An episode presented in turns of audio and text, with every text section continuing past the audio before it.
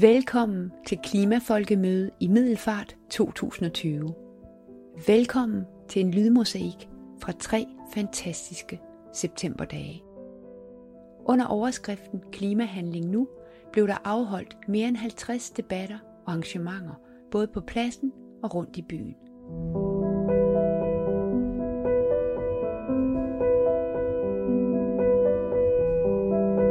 Jeg hedder Lene Aarhusen Fosgaard. Jeg er klimajournalist, og i den næste halve time har jeg samlet et udpluk af den mangfoldighed af grønne stemmer og refleksioner, jeg mødte i Middelfart. Frivillige, arrangører, borgere, virksomheder og beslutningstagere. Vi var der alle sammen, for der er brug for alle ombord, hvis det skal ende grønt. Og det skal det.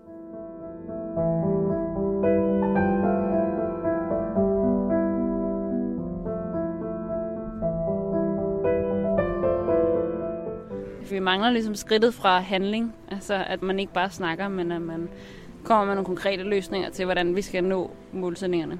Så det ikke bare bliver en snakkeklub, men at der faktisk sker noget.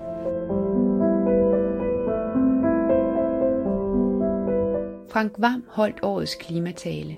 Spidende sjov og alvorlig. Jeg har lavet ham være den grønne tråd undervejs.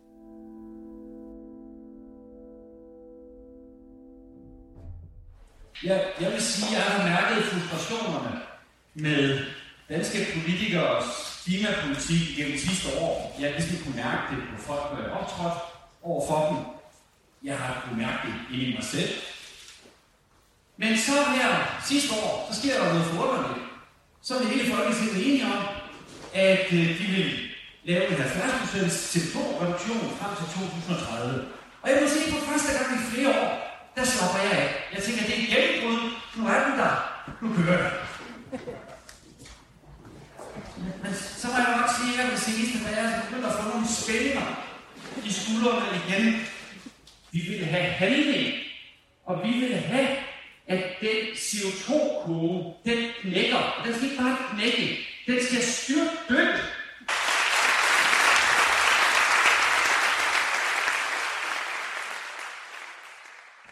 Jeg hedder Ditte Hedegaard, og jeg er øh, kommunikationsansvarlig og programplanlægger på øh, Klimafolkemødet.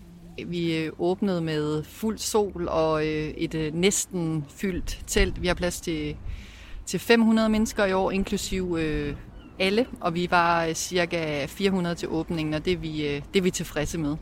Og ja, folk er glade af min opfattelse er glad for at debattere igen, øh, ansigt til ansigt, og øh, selvom der stadigvæk er lidt afstandskrav, øh, så, så virker det som om, at folk er glade for at, at komme ud i virkeligheden og, øh, og debattere klimarelaterede spørgsmål i alle, alle genrer. Jeg tror, det betyder sindssygt meget. Altså, det gør, at øh, klimadebatten og klimakrisen kommer på dagsordenen og bliver, bliver sådan en top of mind øh, blandt øh, de øh, deltagere, der er her, og de branchefolk, som er her. Jeg tror også, det medvirker til noget pres på øh, både virksomhederne øh, og politikerne. Klimakrisen bliver top of mind, og øh, folk bliver klogere, bliver inspireret, får gejst til at fortsætte øh, presset på, på politikerne.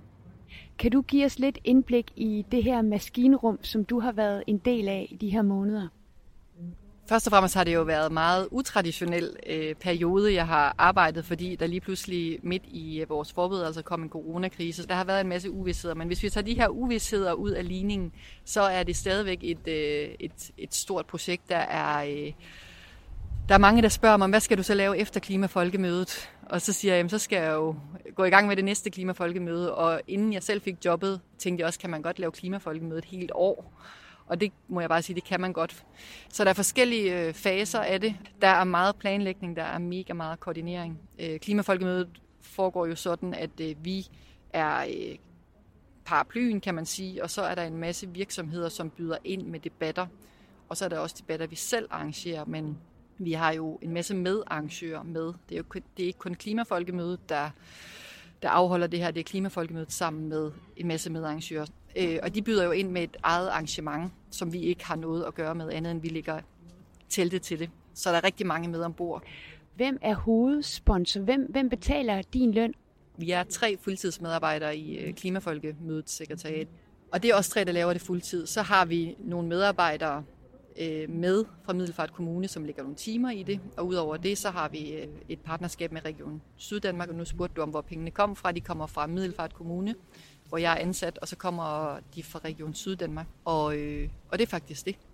Så det er Middelfart Kommune og Region Syddanmark, som, øh, som lægger penge i det, og så lægger alle vores medarrangører, de lægger debatter og kræfter og, og, øh, og medvirkende i det.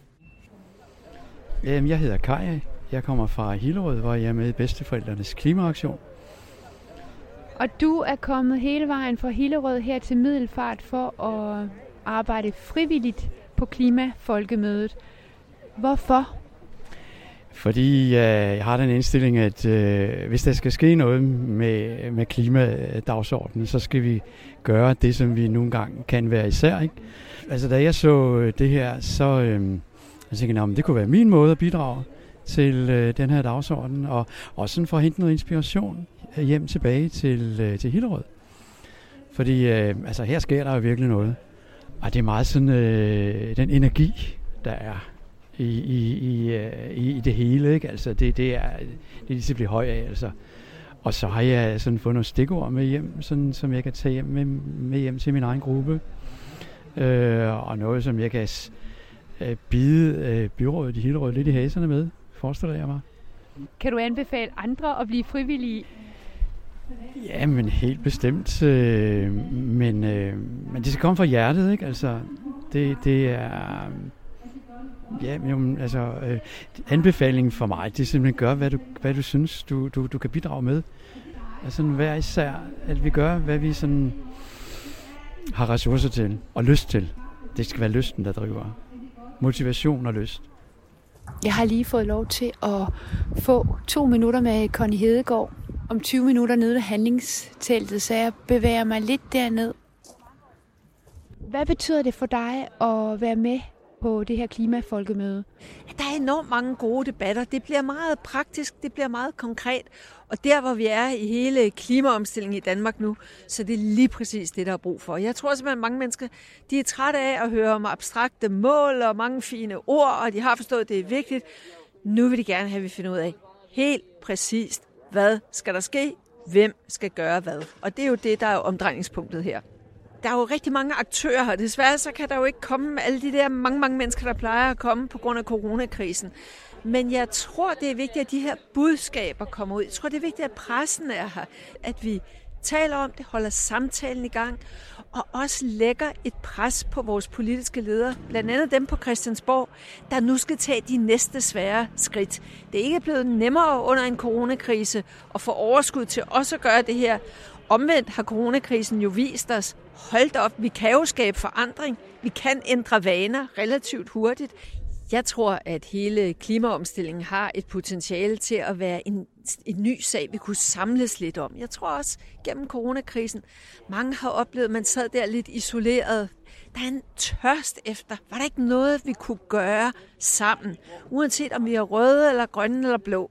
Så tror jeg det er vigtigt at forstå, at forandring sker ikke kun på det politiske niveau. Det sker ikke kun ude i virksomheden. Det sker ikke kun hos investorerne. Det sker ikke kun hos borgerne. Det sker, når alle de her elementer trækker sammen i den samme retning. Vi prøver hver især selv at gøre noget der, hvor vi nu er, derhjemme. Måden vi køber ind på, måden vi overvejer, hvad vi spiser på, eller hvad vi ikke spiser på, måden vi køber ting og sager på, eller ikke køber ting og sager på, på vores arbejdsplads.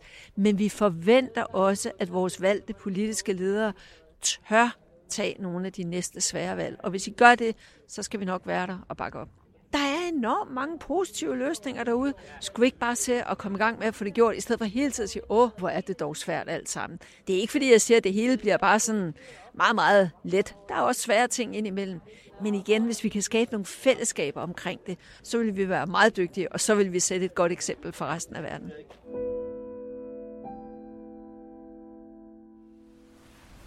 Jeg tror på vores dygtige forskere, og jeg tror på tal og statistik. Og jeg har faktisk et problem med folk, som øh, ikke tror på tal, øh, men som i stedet øh, kender nogen. Altså de her mennesker, som øh, bygger deres liv op omkring det, man kan kalde anekdotisk bevisførelse. hvor man siger til dem, jamen, jeg, jeg synes, du skulle være noget ryge, fordi det ved jeg, det skulle være ret usundt ifølge alle statistikker. Og vedkommende så siger, nej, det er ikke rigtigt, fordi jeg kender en ældre dame på 90 år, hun har røget hele livet, og hun lever bedst af velgående. Så det er ikke... Pokkers, så fortsætter man. Og man, vi skal i hvert fald tage global opvarmning alvorligt. Alle undersøgelser viser, at der er en, en global opvarmning. Nej, det ved jeg ikke rigtigt, fordi jeg kender en, der var på skiferie i Norge sidste år. Det var knæme koldt. Så det så har jeg godt lyst til at sige til sådan et menneske, jamen så synes jeg, at du skulle gå der en tur på vandet. Fordi der kender du jo også en.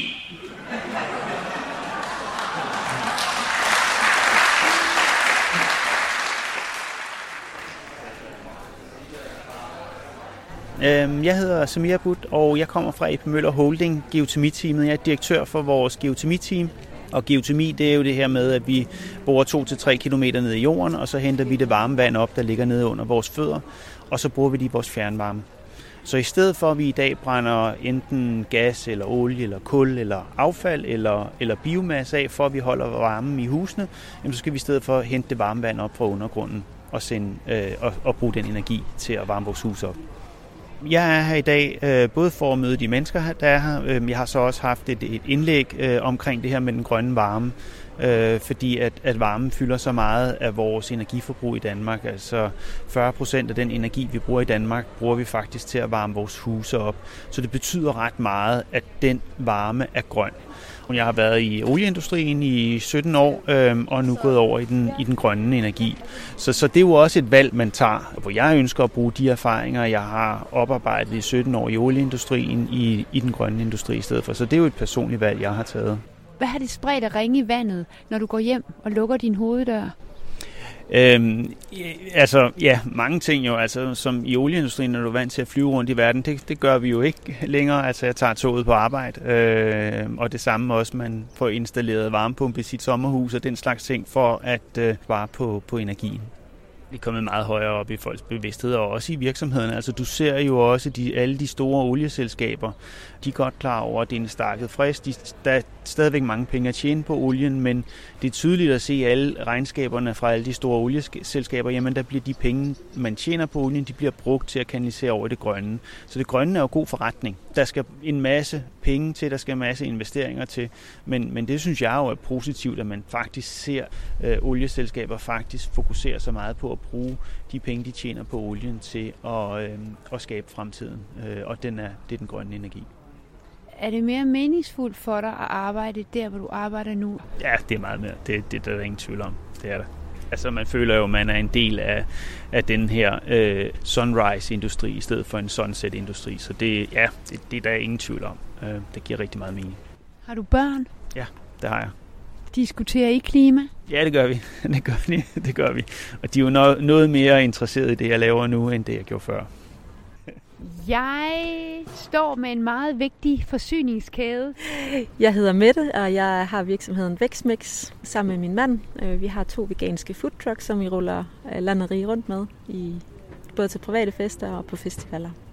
Vi er her øh, på Klimafolkemødet, fordi vi rigtig gerne vil være en del af et øh, arrangement som det her. Vores profil den er grøn på den måde, at vi både har bionedbrydeligt emballage, og vi også øh, tænker rigtig meget over, hvilke råvarer vi anvender. Altså som du selv siger, vegansk er vores mad, altså plantebaseret. Og så er det også øh, stort set øh, 100% økologisk. Vi prøver at tænke bæredygtigt i det hele. Og vores øh, emballage er lavet på majs, øh, stivelse og sukkerrørsfiber for eksempel. Vi har jo et ansvar alle sammen. Det, er, det ser lidt sort ud, kan man sige. Men altså, man må jo starte et sted, og, øh, og det forsøger vi, vi jo at gøre også. Øh, vegansk mad har jo et meget klimavenligt aftryk. Det handler jo om at blive set og forstået på en måde, som folk kan, kan forstå, hvorfor man så handler på den måde, som man gør. Ikke? Øh, man bliver nødt til at formidle det på en positiv måde. Det er det, vi synes, vi gør ved at give folk en god oplevelse ved at lave mad. Det er der inspirerende mange af en, der er, sådan, er øh, overrasket over, der, der ikke er kød i og ikke er mælkeprodukter i. Det er der helt sikkert. Så øh, vi giver folk en, en aha-oplevelse også, ofte. Så det er lækkert. Jeg hørte en fremtidsforsker, der sagde for nylig, måske skal vi ikke tænke så meget i forbrug, men hvad vi har brug for. Øh, og det er måske lige præcis nu, øh, på ryggen af coronakrisen, at vi har en anledning til at overveje, om den måde, vi lever og forbruger, og de, den måde, vi tænker øh, velfærd og lykke og livskvalitet er hængt op på produkter og plastik og emballage øh, og alt muligt andet selvfølgelig.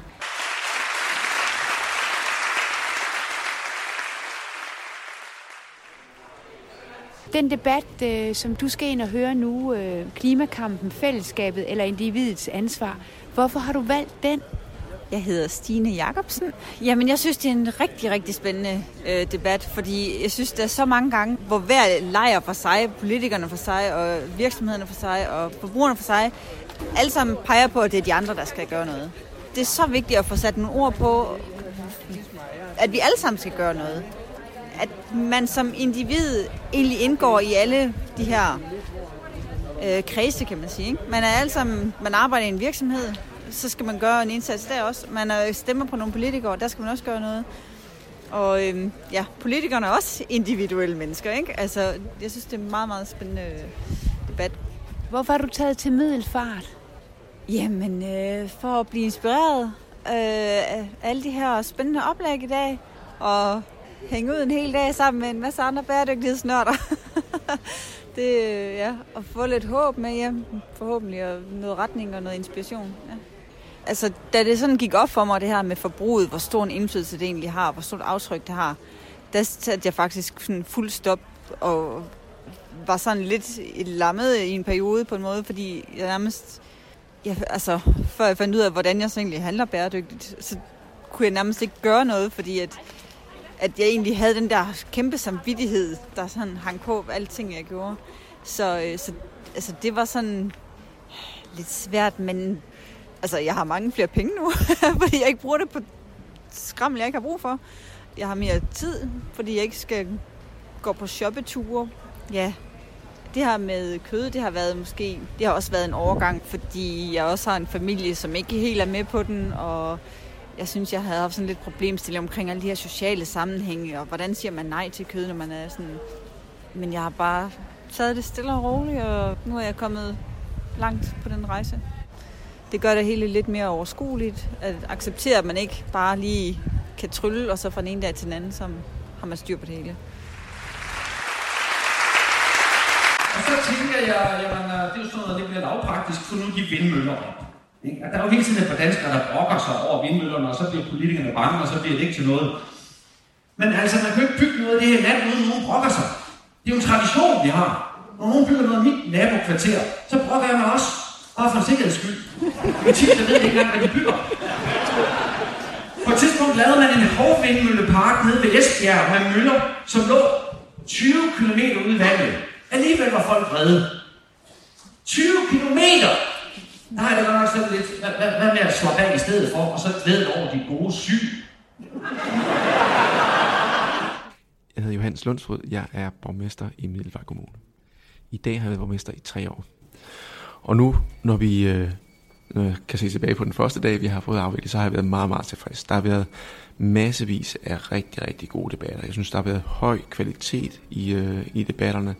Massevis af gode forslag. Vi har et omdrejningspunkt på årets klimafolkemøde, der hedder Handling Nu. Og det har vi, fordi vi har været rigtig gode til at sætte mål. Der er masser af virksomheder, øh, kommuner, stat osv., der har sat ambitiøse mål. Øh, men nu vil vi gerne sætte fokus på handlingerne, fordi det er jo ikke mål, der forandrer verden, det er handlinger, der forandrer verden. Vi har jo lagt et, et benspænd ned på samtlige debatter, hvor alle oplægsholdere skal runde af med et helt konkret forslag til, hvad kan man gøre enten selv på sin arbejde eller som samfund. Og, og der tog vi faktisk et par af de forslag med til den store politiske panel, paneldebat, vi havde i går aftes, hvor øh, ja, næsten alle folketingets partier var, var repræsenteret med klimaminister Dan Jørgensen i spidsen. Øh, så, så de er jo blevet givet videre øh, på den måde. Så nu er Middelfart jo en grøn kommune, og I har sagt, at det sunde liv er det grønne liv. Hvad betyder det konkret? Vi startede sådan set ud øh, tilbage i 2008 med et storstilet projekt, hvor vi investerede 44 millioner kroner i de kommunale bygninger i energirenovering. Det skabte øh, arbejdspladser, bedre indeklima på vores skoler og plejehjem og andre institutioner. Det øh, sparede øh, klimaet for udledning af CO2. Det skabte læring i vores organisationer og institutioner om energieffektivitet. Og det betalte sig selv hjem i løbet af 6-7 år øh, som sidenhen blev omdøbt til middelfartmodellen og blev importeret af øh, og kopieret af en lang række kommuner herhjemme, og sådan set også i Tyskland og Sverige, så sagde vi, jamen, når man kan gøre det i kommunale bygninger, hvorfor skal man så ikke kunne gøre det i private bygninger? Så vi øh, gik faktisk sammen med øh, erhvervscenter og øh, andre øh, gode folk uddannelsesinstitutioner sammen om at lave en kombination af uddannelse og forretningsudvikling af håndværkere.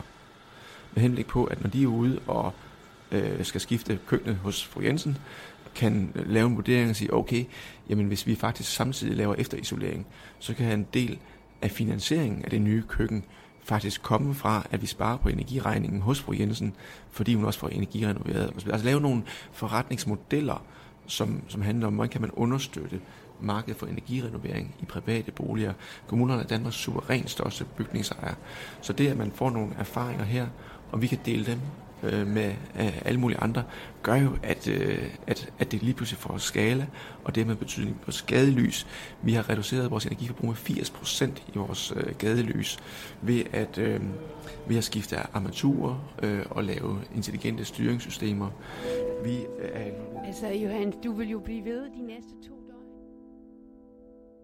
Selvom vi gør rigtig mange ting, så er jeg jo pinligt bevidst om, at vi i øjeblikket kun kratter i overfladen at der skal øh, radikale forandringer til. Men jeg er sådan set også optimist i forhold til, at vi nok skal komme i mål. Øh, der bliver arbejdet dedikeret med det her, både politisk, men jo også teknologisk og også adfærdsmæssigt.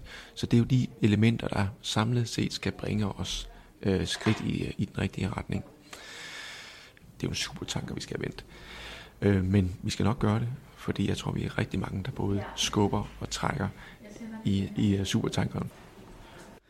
Jeg hedder Kirsten Gramstrup og er 55 år og har arbejdet her siden vi åbnede Rådhuset. Alt det her, har det fået dig til at reflektere over den måde, øh, som, øh, som du og vi er i verden på? Altså, jeg synes, det er rigtig øh, svært at sige. Nu har jeg selv en mand derhjemme, der ligesom tror, han nærmest dør, hvis ikke han får sin kød. Øhm, men jeg tænker slet ikke over selv her, at jeg ikke får kød til sådan en måltid i dag. Altså, jeg har det fint med det. Når man snakker med nogen, så, så har man altid tendens til sådan at kun at sige, at det er kød, kød, kød. Men, men der er jo mange andre sider af øh, klima, hvis man skal nedsætte CO2-udslippet der. Og det er mm, altså mange begge små, ikke? Altså, det, det, det flytter noget, tror jeg på. Og så ender det vel med, at vi lærer det alle sammen jeg bliver meget stolt over, og nu kender jeg sådan mange af dem, der gør en rigtig stor indsats her. Det tager jeg da virkelig hatten af for. Og det gør vi andre så også i køkkenet, øh, i kraft af en overarbejde og en ekstra indsats og sådan noget. Og nogen skal jo gå forrest, men øh, det er da flot, at Lille Middelfart Kommune kan det. Jeg hedder Camilla Madsen, og øh, jeg er borger her i Middelfart. Jamen, jeg er her egentlig for at øh, lære noget mere, for at finde ud af, hvad der foregår rundt omkring også i det hele taget noget med også, hvad der måske foregår sådan på et, kan man sige, et, et andet, et højere niveau, end det jeg selv normalt øh, bevæger mig på. Nogen, der, der har øh, noget magt til at, at lave nogle store beslutninger. Det kunne jeg godt tænke mig at have det med indblik i. Så jeg, jeg kan da godt mærke, at der sker noget i forhold til det med at være vegetar. Altså det, er jo, det, det, der, det bliver der, man er meget mere åben overfor. for eller at spise vegetarisk og købe vegetarisk ind. Der er der selv i Åby, så er der jo mange vegetariske produkter i, i den lokale, øh, det er en ret lille by. Så på den måde, der kan jeg mærke, der sker noget. Men jeg tænker også, at der stadigvæk er meget den anden, det der med, at øh, man også godt kan blive lidt udskældt. Altså Greta Thunberg er jo blevet ret udskældt. Der er mange, der er ret vrede på hende. Jeg oplever nogle gange selv, øh, hvis jeg fortæller folk, at jeg er vegetar, så tror de, at jeg har noget imod deres øh, spisevaner. Og det kan man faktisk nogle gange føle sig sådan lidt omvendt diskrimineret. Og jeg tror, at man kan føre den videre til det der med, at hvis der er nogen, der træffer nogle klimavenlige valg på alle mulige måder, så er der nogen, der ligesom kan føle, at øh, de så går ind og siger, det skal du også. Der er jo ikke nogen, der kan bestemme over andre, men, men vi kan så bestemme rent politisk, det blev der så faktisk snakket om i går til den politiske debat, det der med, om man tror på, om vi overhovedet ikke kommer til at mærke en grøn omstilling, eller om vi kommer til at ændre nogle ting. Øh, og der tror jeg på den sidste, at øh, der er nogle ting, vi bliver nødt til at sige, jamen øh, det har vi ikke mulighed for at gøre mere. Når man så kommer ind i det, så tror jeg også, at man får øjnene op for, at, øh, at det var også okay at leve på en anden måde. Altså, der er nogle andre ting, der kommer ind der, ikke? Altså nogle andre værdier og sådan noget der, som der så bliver vigtige. Jeg hedder Morten Underbjerg, og jeg er 38, og jeg har firmaet Lipirol. Vi sidder her, og øh, vi ser ud over øh, Lillebæltsbroen. Lillebæltsbroen, ja. Der er også en, øh, en fotograf og en journalist med fra TV2, som skal filme og følge dig hele mm. dagen.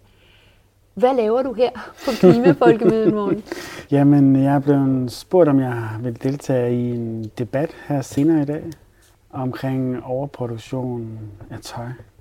Fordi det er jo det, der er min passion, det er det, der interesserer mig, det, og det er det, jeg arbejder med. Ikke at overproducere tøj, men at prøve at bekæmpe det, og prøve at, at vise, hvordan man kan øh, lave et, øh, et firma, som prøver at, at tage højde for ikke at overproducere. Ikke at lave øh, 25 øh, kollektioner om året, men i stedet for lave få styles, gode styles, som, øh, som ikke bare går af mode og bliver taget af min hjemmeside om 6 måneder, eller bliver sat på udsalg, men øh, får lov til at, at være det, det er i mange år endnu. Ikke? Vi strikker helt sikkert i små oplag af gangen. Øh, det gør vi for at undgå øh, overproduktionen. Så vi strikker ikke bare 500 trøjer ad gangen. Det gør vi ikke. Så der ligger det bæredygtige også. Ja. Så er der det her netop omdrejningspunktet godt certificeret, som jo er det, som er hele jeres, det er der hele jeres bæredygtige kraft ligger. Altså man kan sige, godt certificeret, det handler egentlig i, i bund og grund om, at det er sådan en holistisk øh, certificering, som går ud på selvfølgelig at certificere ø- økologi. Øh, for eksempel økologisk bomuld eller økologisk uld. Men det handler også om øh, arbejdsforhold. Det handler også om, øh, øh, altså man kigger lig, ligesom på hele værdikæden. Altså der er sådan rigtig mange parametre, som, som gør, at ens produkt bliver så klimavenlig som overhovedet muligt. Og jeg tænker, hvad kan jeg selv gøre? Hvad kan vi gøre som privatpersoner? Jeg tænker, at vi i hvert fald som minimum kan bakke vores ungdom op. Vi kan, vi kan da godt grine lidt Greta, men bare ikke for meget, fordi de er mere klimaengagerede end vi er. Vi kæmpede for os selv i min generation. Unge mennesker kæmper for klima og fællesskab. Grøn omstilling af deres månelanding. Og der tror jeg, at vi ældre, vi skal bare se os selv som en slags hjælpere. Vi skal forsøge at hjælpe dem med at nå et stykke ned ad vejen. Og hvis vi ikke kan finde ud af det, os gamle bløde hoveder, så skal vi træde et skridt til siden, så vi det mindste ikke står i vejen for de unge. Og kan vi heller ikke finde ud af det, så skal vores største bidrag til grøn omstilling være, at vi simpelthen lægger os til at dø. det er det bedste, vi kan gøre for ungdommen. Hej, øh, jeg hedder Sofie Vinge Petersen. Jeg er 21 år. Jeg er med i det, der hedder Unge Klimarådet. Øh, og derudover så læser jeg til proces- og innovationsingeniør på DTU. Øh, Unge Klimarådet var egentlig øh, startet for øh, marts for et år siden, hvor vi blev øh, udvalgt 10 unge mennesker til i forbindelse med Klimaministeriet og sidde i det her udvalg, hvor vi egentlig skriver anbefalinger til ministeriet. Det vil sige, at så mødes vi jævnligt, og så er vi ude og høre industrien, erhverven, NGO'er, unge mennesker, øh, og få deres input til, hvad der er for nogle anbefalinger, vi skal skrive og række videre til ministeriet. For mig er politisk klimaambition og øh, engagement i det her, det er rigtig håndterbart, fordi klimakrisen er noget af det, der starter i Danmark. Det er noget, der kan motivere os til i Danmark, fordi Danmark er en af de lande, der udleder rigtig meget. Og derfor giver det mening at engagere sig med klimapolitik. Hvis vi kan få nogle af de unge rundt omkring til at blive hørt gennem os, det vil vi rigtig gerne. Lad os være rollemodeller for hinanden, fordi det kommer ned på et helt personligt plan, hvor folk kan forholde sig til det. Jeg hedder Thijs Avenmeier, og jeg er 19 år gammel. De unge kommer til klimakampen, fordi det er jo også det handler om. Det er jo også, det er vores fremtid, kan man sige. Men der er også bare, for at få hele den brede ungdom med, og få alle folk til at tænke på det, så tror jeg, det kræver en, øh, en ændring i, også i forbrugskulturen. Fordi at, øh, det, er det, det, det er der, den ligger. I den danske forbrug er alt for højt. De øverste 10% af verdens befolkning, de forbruger jo stort set lige så meget som de sidste 90%. Det kan vi ikke løbe fra, at danskerne, vi har en, vi ligger i de øverste 10-15% alle sammen. Det kan godt være, at man virker som en gennemsnitlig dansker, men dit forbruger stadig 400 gange højere end en dreng eller en dreng eller en jævnaldrende fra Vietnam eller et eller andet. Vi bliver ligesom nødt til at tage ansvar og rykke vores forbrug ned, selvom det er svært at gøre. En del af klimamødet her, det har vi haft op på gymnasiet. Så vi har øh, lavet en livestream, som er sendt ud til 20 danske gymnasier og en masse efterskoler. Så har vi haft en masse gæster ind i dag, forfattere, klimaforkæmpere, alle mulige, der har forskellige vinkler på øh, klimakampen. Og så få dem til at have en debat. Så hele dagen i dag, for alle 650 elever på gymnasiet, de har været inkluderet kun til klimaet. Det samme sker i morgen. Så det når man ud til en masse ved et arrangement, vi laver her i Middelfart, op på gymnasiet. Jeg hedder Mathilde, og jeg er 27 år, og jeg står her for at høre på de forskellige meninger om, hvordan vi skal nå de målsætninger, der er sat. De her 70% reduktionsmålsætninger om klimaet. Og jeg hedder Pauline, og jeg er 26, og øhm, jeg står her af samme grund, at øh, jeg synes godt, at man kan have brug for, at det bliver konkretiseret lidt, hvordan vi skal nå de her ambitiøse målsætninger og nødvendige målsætninger, der er blevet sat. Øhm, fordi man kan godt tit tænke, at det er ord, men hvor er handlingen? Og det er jo også det, der er øhm, mottoet ja, for, for det her folkemøde. Altså, der er netop behov for at samle tværfagligheden også, at der kommer folk fra forskellige indgangsvinkler til det, øh, og man mødes om det samme fokus. Det synes jeg er rigtig godt. Er du øh, bekymret?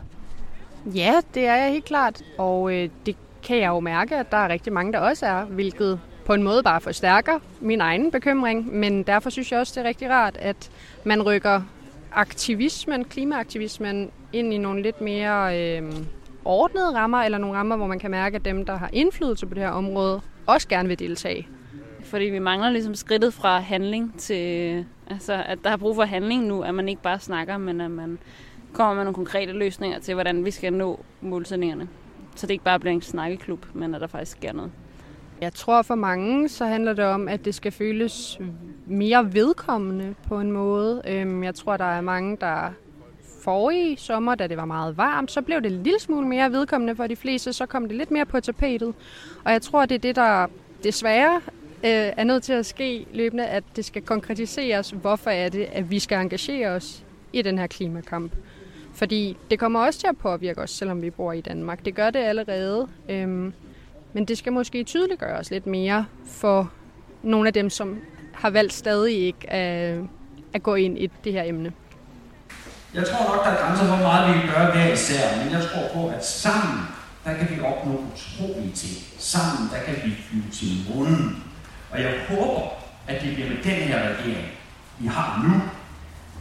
For ellers så står jeg her igen næste år med endnu kraftigere spændinger i skuldrene, med decideret krampe og skriger, how dare you!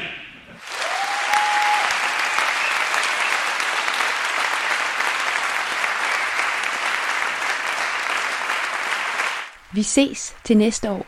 Klimafolkemøde 2021 i Middelfart. Og forhåbentlig hedder overskriften til den tid, så er vi videre. Jeg synes, det var passende at slutte af med Frank Eriksen, Bunderøven, som også var på Klimafolkemødet. Når alt kommer til alt, så er det jo det, man gør i sit eget liv, der er det væsentligste. Ikke? Også fordi hvis vi ikke begynder at kigge ind på, hvordan det er, vi lever, og hvad det er for nogle værdier, vi egentlig burde sætte højt, jamen så vil det jo blive sådan, at samtlige klimaministre fra nu af til al evighed vil skulle lede efter steder, hvor der kan bygges vindmølleøer, ikke også? Fordi behovet og forbruget vil bare gå en vej. Ja, ja, det var ham at komme i gang.